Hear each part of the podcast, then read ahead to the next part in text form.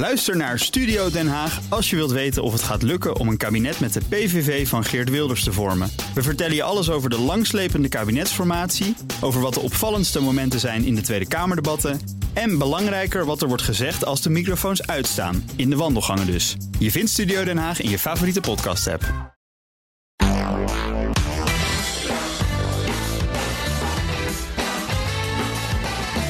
Welkom bij de Ben Tichelaar podcast bij BNR. De podcast over persoonlijk leiderschap. Met elke week tips en inzichten van zeer inspirerende gasten die je helpen om je verder te ontwikkelen in je werk en de rest van je leven. Mijn naam is Ben Tichelaar en mijn gast in deze aflevering is Wouter de Jong. Wouter, welkom. Wat leuk dat je er bent. Dank dat ik er mag zijn. Nou ja, je bent vooral bekend als schrijver van het boek Mind Gym, Sportschool voor je geest. Waarvan er inmiddels, dat heb ik tenminste gelezen, meer dan 60.000 zijn verkocht. Dat is heel erg veel. Ja, dat is veel. Ja. In, in een korte tijd. Dus ja, ja dat is, uh, dan zie je dat het onderwerp in ieder geval raakt aan de behoeften op ja, dit moment. Blijkbaar, ja. Je hebt ook al een follow-up boek geschreven. Hè? Dat is uh, uh, Mind Gym Workouts. Mm -hmm. Maar er staan nog veel meer initiatieven op het programma, heb ik begrepen. Initiatieven waar je nu ook mee bezig bent. Er komt een boek voor kinderen. Ja, Mind Gym for Kids, superkrachten voor je hoofd. En dat is een samendoelboek met je ouders. En dat zijn alle technieken uit, de boek, uit het boek uh, Mind Gym voor volwassenen. Vertaald naar inzichten uh, voor kinderen. Nou, moeten we straks zeker even over hebben. Er luisteren niet heel veel kinderen naar deze podcast. maar wel veel mensen die misschien kinderen hebben. En die dat zeker interessant vinden. En ik las dat je ook nog een theatertour gaat doen. Klopt dat? Ja, in januari uh, is de Januari 2020 praten we over ja, dan. 2020 en 2020, 2021 komt er nog een nieuwe tour. Leuk. Nou, maar mensen kennen jou misschien nog wel als acteur. Dus je staat weer op de planken straks. Ja, dus die twee werelden komen samen. Dat is ja. wel wonderlijk. Ja, dat acteur inderdaad... geweest uh, bij GTST heb ik begrepen. Dat klopt. Ja, en ja. Villa Achterwerk heb je ook aan meegewerkt. Ja. Nou, ontzettend leuk. Nou, we gaan het met elkaar hebben over jouw werk. Um, en de eerste vraag die ik aan veel mensen stel die hier te gast zijn, is eigenlijk ja, is een hele eenvoudige vraag, maar tegelijkertijd ja, makkelijk om te stellen, maar moeilijk om te beantwoorden. Wat is nou een inzicht, iets wat jij in je loopbaan hebt geleerd, waarvan je zegt dat heeft mij echt veranderd. Daardoor ben ik echt anders gaan denken over mijn werk of over het leven. Hmm. Wat heeft jou echt veranderd? Welk inzicht? Nou, ik denk dat het allerbelangrijkste is een uitspraak van uh, compassiewetenschapper Kristen Neff. En dat is de uitspraak: zelfkritiek vraagt of je wel goed genoeg bent. En zelfacceptatie vraagt wat goed is voor jou. Oké. Okay. En uh, ik, ja, ik heb heel erg de neiging om heel perfectionistisch te zijn. En echt mijn uh, eigen waarde volledig af te laten hangen van prestaties. Ja. En ik had altijd zo'n enorme angst dat als ik mezelf niet afstrafte, dat ik dan niet persoonlijk zou groeien en geen succes zou behalen. Echt moeten, uh, druk op jezelf zetten, willen Enorm. presteren. Ja, en ja. mezelf afstraffen als het mislukte. Want ik okay. denk, ja, als ik dat niet doe, dan ik hoef ga niet ik alle, niet, hoef niet alle, alle gro gruwelijke details te weten, maar geef eens een voorbeeld. Wat deed je dan? Nou, gewoon, je, je, je, je geeft bijvoorbeeld een presentatie en die mislukt. Ja. En dan mezelf uh, intern verrot schelden. Van, ja, ja. Ah, wat ben je toch, uh, wat ben je toch een Jan Lul dat je, dat je het zo mislukt hebt. Ja. In, de, in de overtuiging van nou, als ik dat maar doe, wie weet, groei ik dan. Ja, Want, precies. Dan ga ik die fout niet nog een keer terwijl, terwijl wat je wel vaak hoort, mensen die zeg maar zo met zichzelf omgaan. Als je een baas zou hebben die zich zo tegenover Ja. je zou gedragen, had je al lang gezegd: Nou, ik ga ergens anders werken. Weg ermee. Weg ja, met die ja, baas, Ja, absoluut. Ja, ja. Dus eh, in, in die zin, uh, uh, ja, in jezelf kan je moeilijk ontslaan. Om het zo maar te zeggen. Precies. Dus, Dus je moet die baas, die innerlijke baas, moet je veranderen. Ja, en, en uh, zelf, mijn doelen stellen vanuit zelfacceptatie, dat is zoiets waardevols. Dat is, dat is in ieder geval de oefening. Het is natuurlijk überhaupt altijd nog wel een patroon wat bij me hoort en wat vaker opkomt. Maar het is in ieder geval iets waar ik uh, uh, heel veel houvast aan heb om dat te oefenen. Ja, maar het is toch wel heel interessant. Heel veel mensen kijken van de buitenkant naar jou die zeggen: Nou, succesvolle schrijver, succesvolle Ja. acteur, heeft nog rechten gestudeerd. Ook, weet je. En, en dan toch Ja. eigenlijk dit, dit punt waar je zo aan moet werken. Ja, en, de- en de- dit zie ik ook wel heel vaak in mijn coachingspraktijk of als ik mensen ontmoet die praten. Als je dit zelf deelt, dit, dit is iets heel menselijks. Ik ken heel, heel veel mensen die, vooral ook juist in de hogere lagen, die hier enorm last van hebben. Waar je aan de buitenkant dat helemaal niet ziet. Ja, dat is, eh, Heb jij daar last van? Ja, nee, ik ben ook wel kritisch op mezelf inderdaad. Ik herken het wel een klein beetje. En, maar ik vind het wel heel mooi wat je net zei. Dat zelfacceptatie, dat je eigenlijk vanuit een heel ander perspectief gaat kijken van wat is nou goed voor mij. Ja, Ja, en, en, en wat ik een hele mooie uitspraak daarvan eh, van vind, is eh, een uitspraak van psycholoog Carl Rogers. En hij zegt: ja, Het moment dat ik pas kan veranderen, is het moment dat ik mezelf volledig accepteer. oké.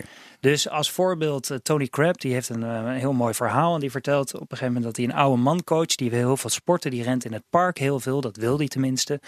En op een gegeven moment vraagt Tony aan hem, waarom wil je zoveel in dat park rennen? Ja, En op een gegeven moment zegt, uh, zegt uh, die oude man, die zegt, nou ja, ik wil in het park rennen omdat ik me jong wil voelen. Ja.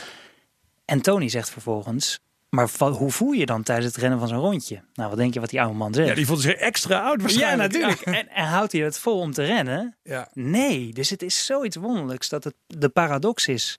Juist als je jezelf volledig kan accepteren, dan groeien. Ja, en dan kan je misschien ook veel beter kijken naar de dingen die echt bij je passen. En juist, juist. je richt op dingen waar je ook plezier in hebt als je daarin ontwikkelt. Ja, niet al die mentale energie in uh, stoppen in, in, in dingen die eigenlijk niet averechts werken. Ja. Zelf afstraffen. Je houdt heel veel breinenergie over om, te, om dat te stoppen in wat jij het allerbelangrijkste vindt. Ja, nou, ja. het magische woord breinenergie is al gevallen. hè? En breinenergie die ontwikkelt natuurlijk in de Mind Gym. Dus laten we eens even gaan kijken naar jouw ideeën over, uh, over Mind Gym. Je boek Mind Gym, daarin richt de schijnwerper op allerlei verschillende onderwerpen. Mhm. Het gaat over aandacht, compassie. Nou ja, dat compassie hebben we het eigenlijk net al een klein beetje over gehad. Uh, geluk.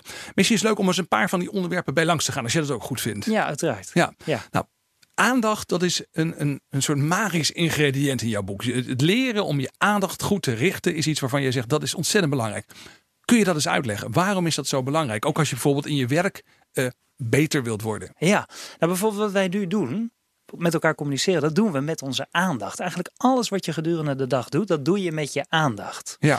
Ook je impulsen beheersen, uh, uh, jezelf motiveren, dat doe je ook met je aandacht. Dus uh, je kunt de, de, iedereen kent wel de uitspraak: alles waar je aandacht geeft, dat groeit. Of, of zeg maar waar je aandacht aan besteedt en ik zeg jou wie jij bent. Dus aandacht is als het ware het stuurwiel van je leven. Ja, nou ja, je doet natuurlijk ook een hele hoop dingen gewoon op de automatische piloot. Ik bedoel, ik ben hier naartoe gereden en heb ik heel veel dingen gedaan. Daar had ik helemaal geen aandacht voor en toch ben ik hier. Absoluut, alleen dat is met onbewuste aandacht. Dus op het moment dat het bewuste aandacht wordt en je veel meer controle hebt over die aandacht, dan heb je ook veel meer controle over je leven. En dan bepaal jij wat aandacht krijgt in plaats van dat je ongewild bent afgeleid door ruis en bijzaken. En je laat als sturen door de omgeving bijvoorbeeld. Ja, en, en dat, dat ding je dus te trainen, die aandacht. Ik denk dat de, de basis van heel veel vaardigheden leren is dat in ieder geval die aandachtspier in orde is. Ja. Als, als dat niet in orde is, je zegt, is het heel je zegt aandachtspier. Hè? Ik heb dat woord wel eens gehoord. Uh, dat is dat eigenlijk al een soort metafoor om aan te geven dat je het kunt trainen. Dus ook. Hè? Het is niet iets wat, wat vaststaat. Het is niet zo we hebben een bepaalde hoeveelheid aandacht en dat is het dan. Maar je kunt het trainen. Ja, binnen je vermogens kun je dat trainen. Je hebt natuurlijk eh, de een is behept met gewoon een sterkere aandachtspier, om het zo maar te zeggen, dan de ander. Ja. Maar je kunt het inderdaad gewoon trainen. Hoe? Hoe? Geef eens een, een, nou. een, een, een, tip. Wat, wat zou ik nou kunnen doen als ik het hoor en denk van oké, ik merk dat mijn aandacht vaak alle kanten uitgaat. Niet de juiste dingen. Nou, uh, ik wil dat trainen. Uh, een hele simpele. Hè? Als je gewoon een hele simpele tip hebt. Uh, we kijken, in ieder geval ik, maar heel veel mensen kijken te veel op een telefoon. Nou, als je dat nou wil voorkomen en je wil daar meer een aandachtstraining van maken, schrijf dan op je duim het woord aandacht. Op je duim? Ja, en elke keer als je onbewust die telefoon wil openswipen, dan lees je eerst het woord. En dan bepaal je daarna bewust of je het openswipet of juist niet. Oh, grappig. Dus op je telefoonduim zet je het woord aandacht. Ja, precies. En, en, dat is al een mini-workout in het trainen van je aandacht. Dus je kunt juist met al kleine ingrepen kun je al voor zorgen dat je, nou, uh, je, een workout voor je aandacht geeft. Grappig. Zijn er, zijn er, is dat sowieso een idee, zeg maar, dat je op lichaamsdelen eh, dingen gaat schrijven? Ik bedoel... Nou, ik heb er nog... Nee. Nee, maar ik val me op. Ik zeg dat je ook iets op je handen hebt geschreven. Dus ik denk oh ja, dat, is, dat is meer uh, mijn brain tools, om het zo maar te zeggen. Dus hier, als ik iets, ver, als ik iets wil doen, dan uh, ben ik nog van de ouderwetse stempel. Dan schrijf ik het op mijn hand. Ja. Dus hier staat nog op factuur. Oké. Okay. Ja. ik moet nog een factuur schrijven vanavond. Oh, op die manier. Maar wat grappig is, dat iets op je hand schrijven, dat, dat deden mensen vroeger, uh, zeg jij. Maar tegelijkertijd is het dus een hele slimme manier om ook jezelf als het ware te trainen. Tenminste, als dat lichaamsdeel, in dit geval de duim, hè, bij het swipen, een rol speelt zeg maar, in allerlei onbewuste processen waar je graag iets aan zou willen veranderen. Of, ja. Zeker, ja. En eh, als je, als je het hebt over dingen opschrijven omdat je daardoor wordt afgeleid, dan is een tip wat ik een hele fijne vind, is de app BrainTos. Daar ja. spreek je... Maar BrainTos, T-O-S-S, denk ik. Ja, ja. T-O-S-S. Dat kan je natuurlijk ook gewoon op een papiertje schrijven. Maar de BrainTos is zo fijn, je spreekt dat in en dan komt er meteen een mailtje naar je toe met, de ingesproken, met het ingesproken bericht. Zodat het niet nog blijft kleven in je hoofd en aandacht opeist die je normaal zou kunnen besteden aan taken die je met volle aandacht wil doen. Want Grappig, hè? Dus je richt je aandacht, aan de ene kant richt je je aandacht zeg maar meer gericht op dingen die je belangrijk vindt. Mm Aan de andere kant zeg je, je moet je aandacht ook juist reserveren voor dat soort zaken. Dus heb je dus ook weer tools voor om als het ware je aandacht niet te vervuilen met allemaal dingen die, die er zo even ja, inderdaad, voorbij komen. Inderdaad, het niet vervuilen. Eh, Ook een belangrijk onderdeel is: ben je bij macht om die aandacht langer te richten op fysieke prikkels? Want we zijn allemaal wel gewend dat onze hoofd continu tijdreizen maakt naar het verleden en de toekomst. Ben je bij machten om de aandacht wat langer op fysieke prikkels te houden, dan ben je dus meer aanwezig op het moment en kun je een taak dus met meer aandacht doen en met meer concentratie.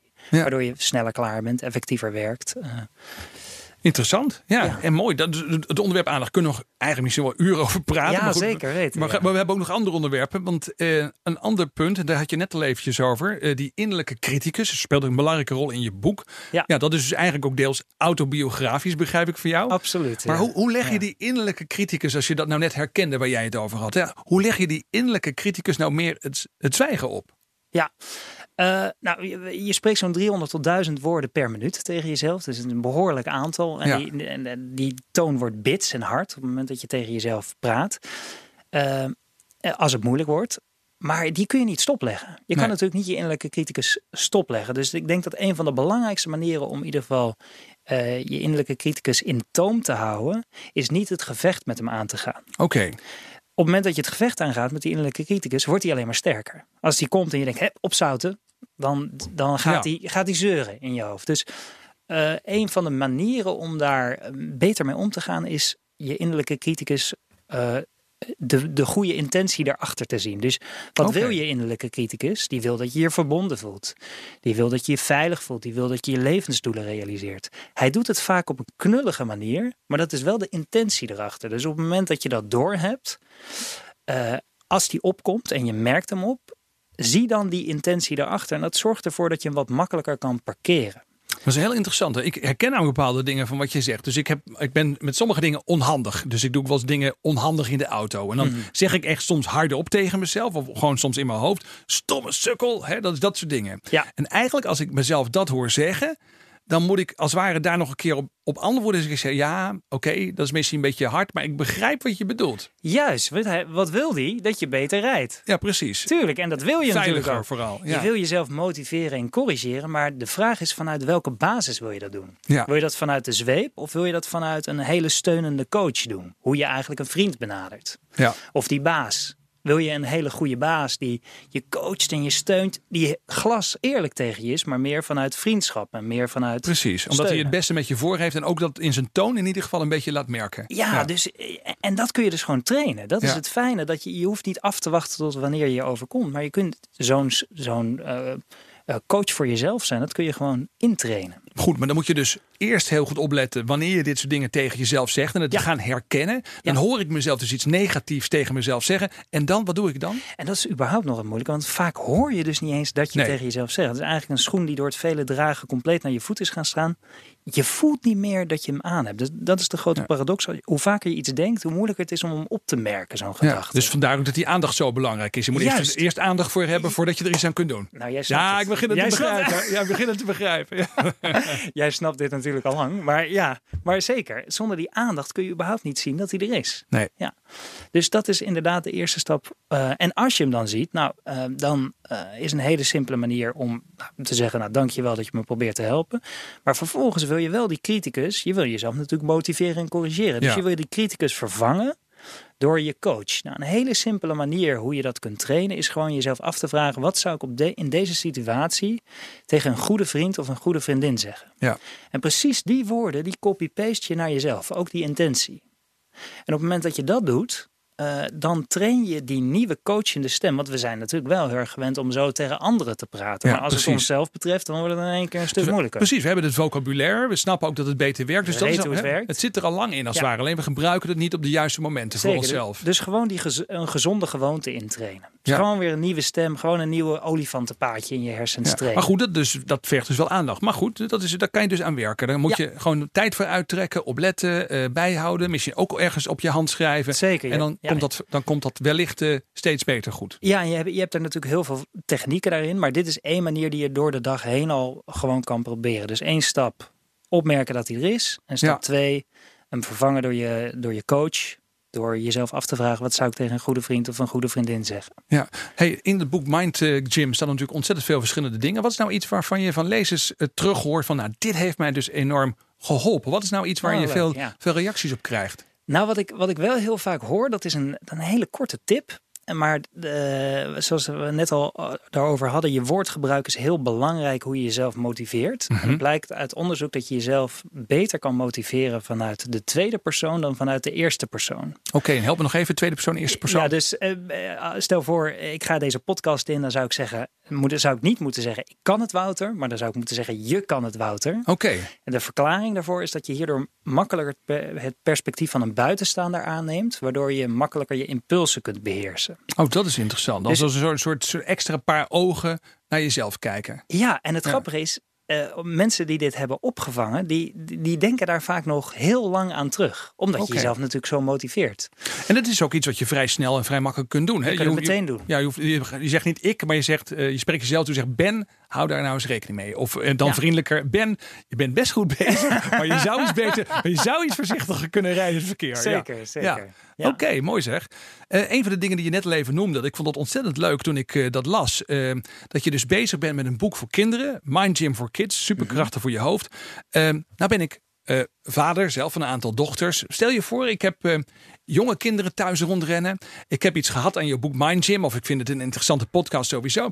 En ik denk dan bij mezelf, oké, maar wat moet ik nou doen om mijn kinderen misschien al heel vroeg dit soort dingen te leren? Want ik kan me voorstellen dat nou ja, veel van de dingen die we natuurlijk misschien wel fout doen in ons hoofd, zoals bijvoorbeeld overdreven zelfkritiek, dat leer je waarschijnlijk al vrij jong. Hoe kan ik mijn kinderen nu helpen om het goed te doen?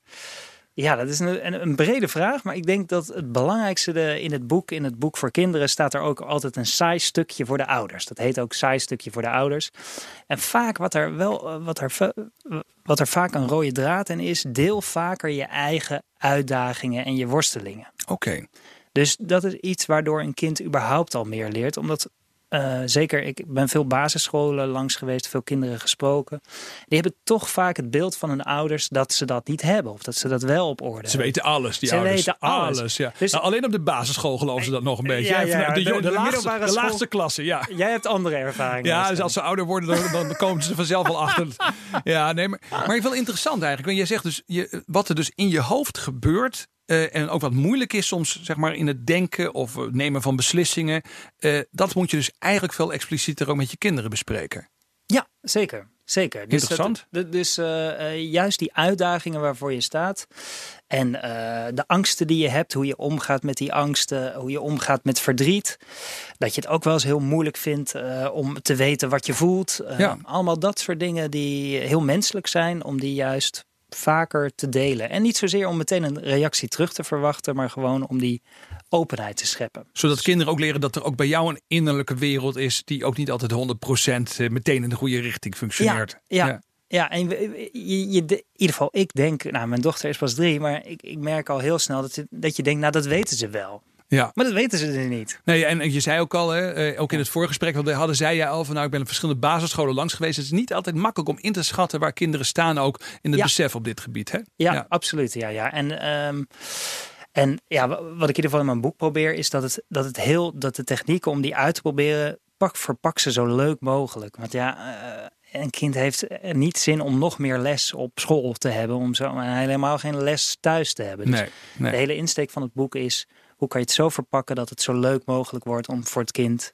te oefenen met mentale, mentaal sporten, om het zo maar te Ja, zeggen. precies. Want dat is natuurlijk essentieel. Rekenen, talen, zijn allemaal erg belangrijk. Maar zelfbeheersing, jezelf kunnen coachen, pla- Absoluut. kunnen plannen. Het zijn natuurlijk allemaal vaardigheden die onwijs belangrijk zijn in onze maatschappij tegenwoordig. Zeker, ja. ja. je, je leert wel waar de hoofdstad van Ecuador is, maar hoe je je emoties kan controleren of hoe je jezelf inderdaad beter kan sturen, Ja. dat is niet een apart vak. Ja. Natuurlijk is dat wel een verschuiving gaande, maar dat kan nog veel meer. Dat zou echt een, een hoofdvak eh, moeten Ja. zijn. Ik zit ondertussen ontzettend te pijnzen wat de hoofdstad van Ecuador is op dit moment. Ik weet dat ook niet. Oh, nee, goed. Nee, mooi. Komen we op terug.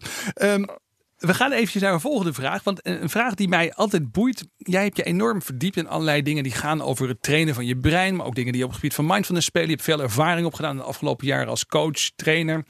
Wat is nou in jouw vakgebied een hardnekkige mythe? Iets wat wel veel mensen geloven. Waarvan misschien ook wel veel coaches van zeggen. Nou, volgens mij zit dat zo. Maar waarvan jij nu weet, omdat je je ook verdiept in de wetenschap achter je vakgebied. Van ja, maar dat klopt eigenlijk helemaal niet.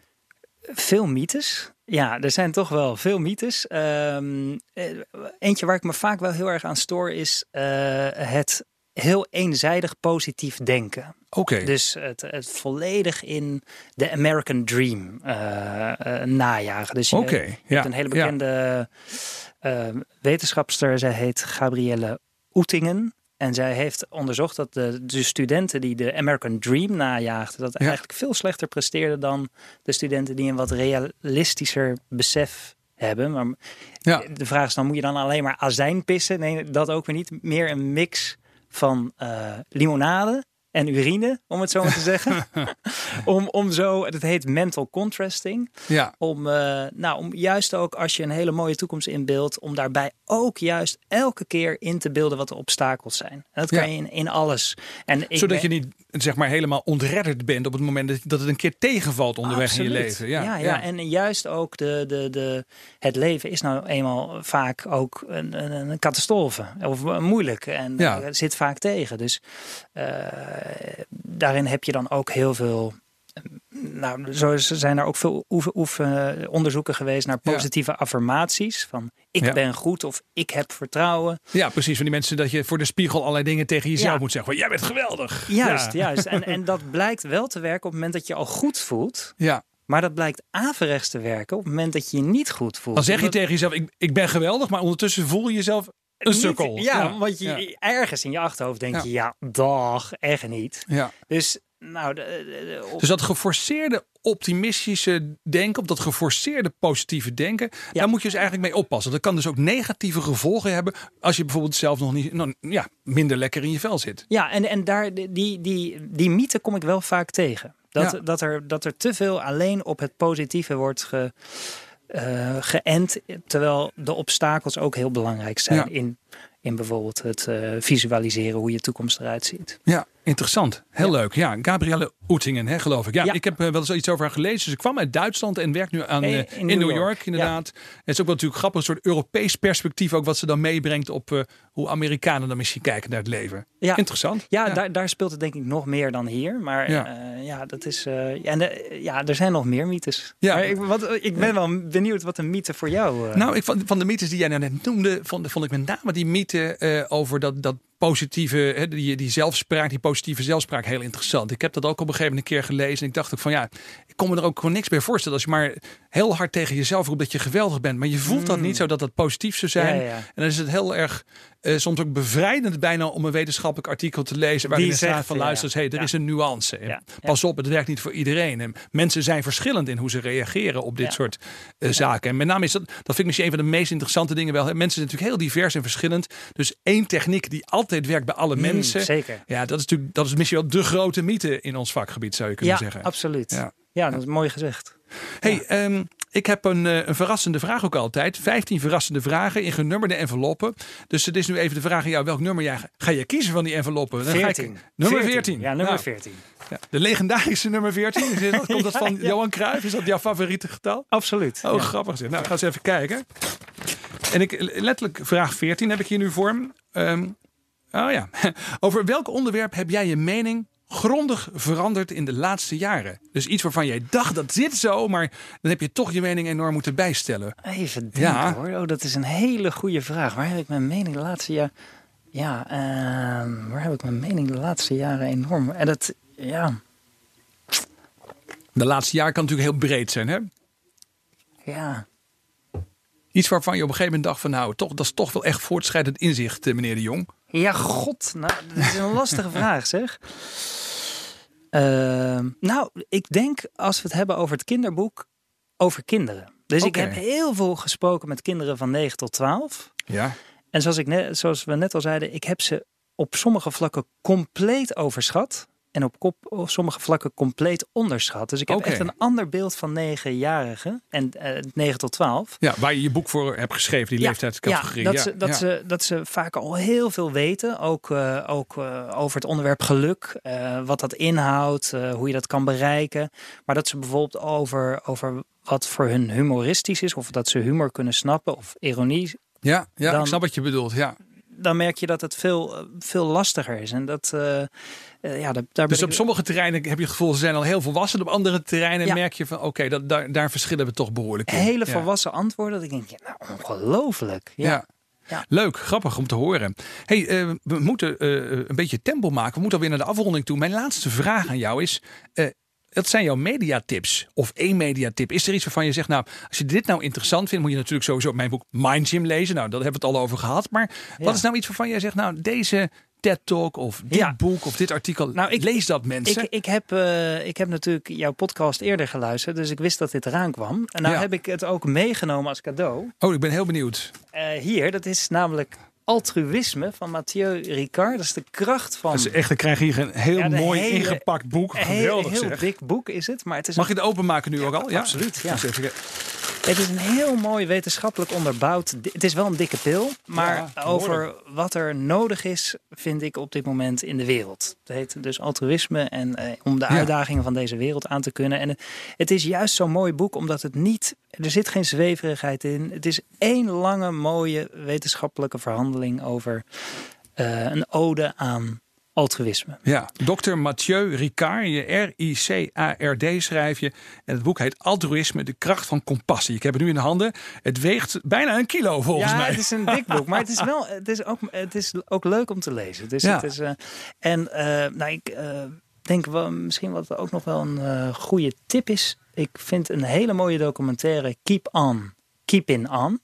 Keep on keeping on. Ja, en dat gaat over, ik ga er niet te veel over zeggen, maar het gaat in ieder geval over het zoeken van een mentor. En hoe belangrijk dat eigenlijk is. En waar vind ik dat? Moet ik gewoon op YouTube intikken? Of Netflix? Uh, of, uh... Ik weet niet of die op Netflix nu staat. Ik weet IMDB? IMDB kan je IMDB sowieso kan sowieso vinden. Ja. Oké. Okay, ja, dus keep, in on, keep on, keep in on. Oké, okay, ga door met doorzetten eigenlijk. Als je het geprobeerd ja, vertalen, en het, uh, ja, het gaat ook. Het, het, is echt een hele mooie documentaire over mentorschap. En het gaat ook over een oude jazzlegende. Dus mocht je van jazz houden. Dan ik hou ook nog van jazz. Je hebt het helemaal. Ja, ja dan, dan, dan is het ook nog een goede Fantastisch. Heel erg bedankt Wouter de Jong voor het delen van jouw inzichten en kennis met ons.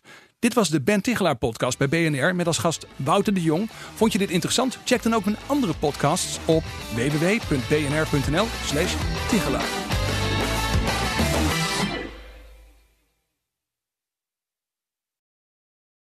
Ook Liesbeth Staats vind je in de BNR-app. Ja, heel handig. Luister live naar Kees en mij tijdens de Daily Move. Dan blijf je ook gelijk op de hoogte van breaking news en het laatste zakelijke nieuws. En daar vind je ook alle BNR-podcasts, waaronder de Perestrooikast. Download nu de gratis BNR-app en blijf scherp.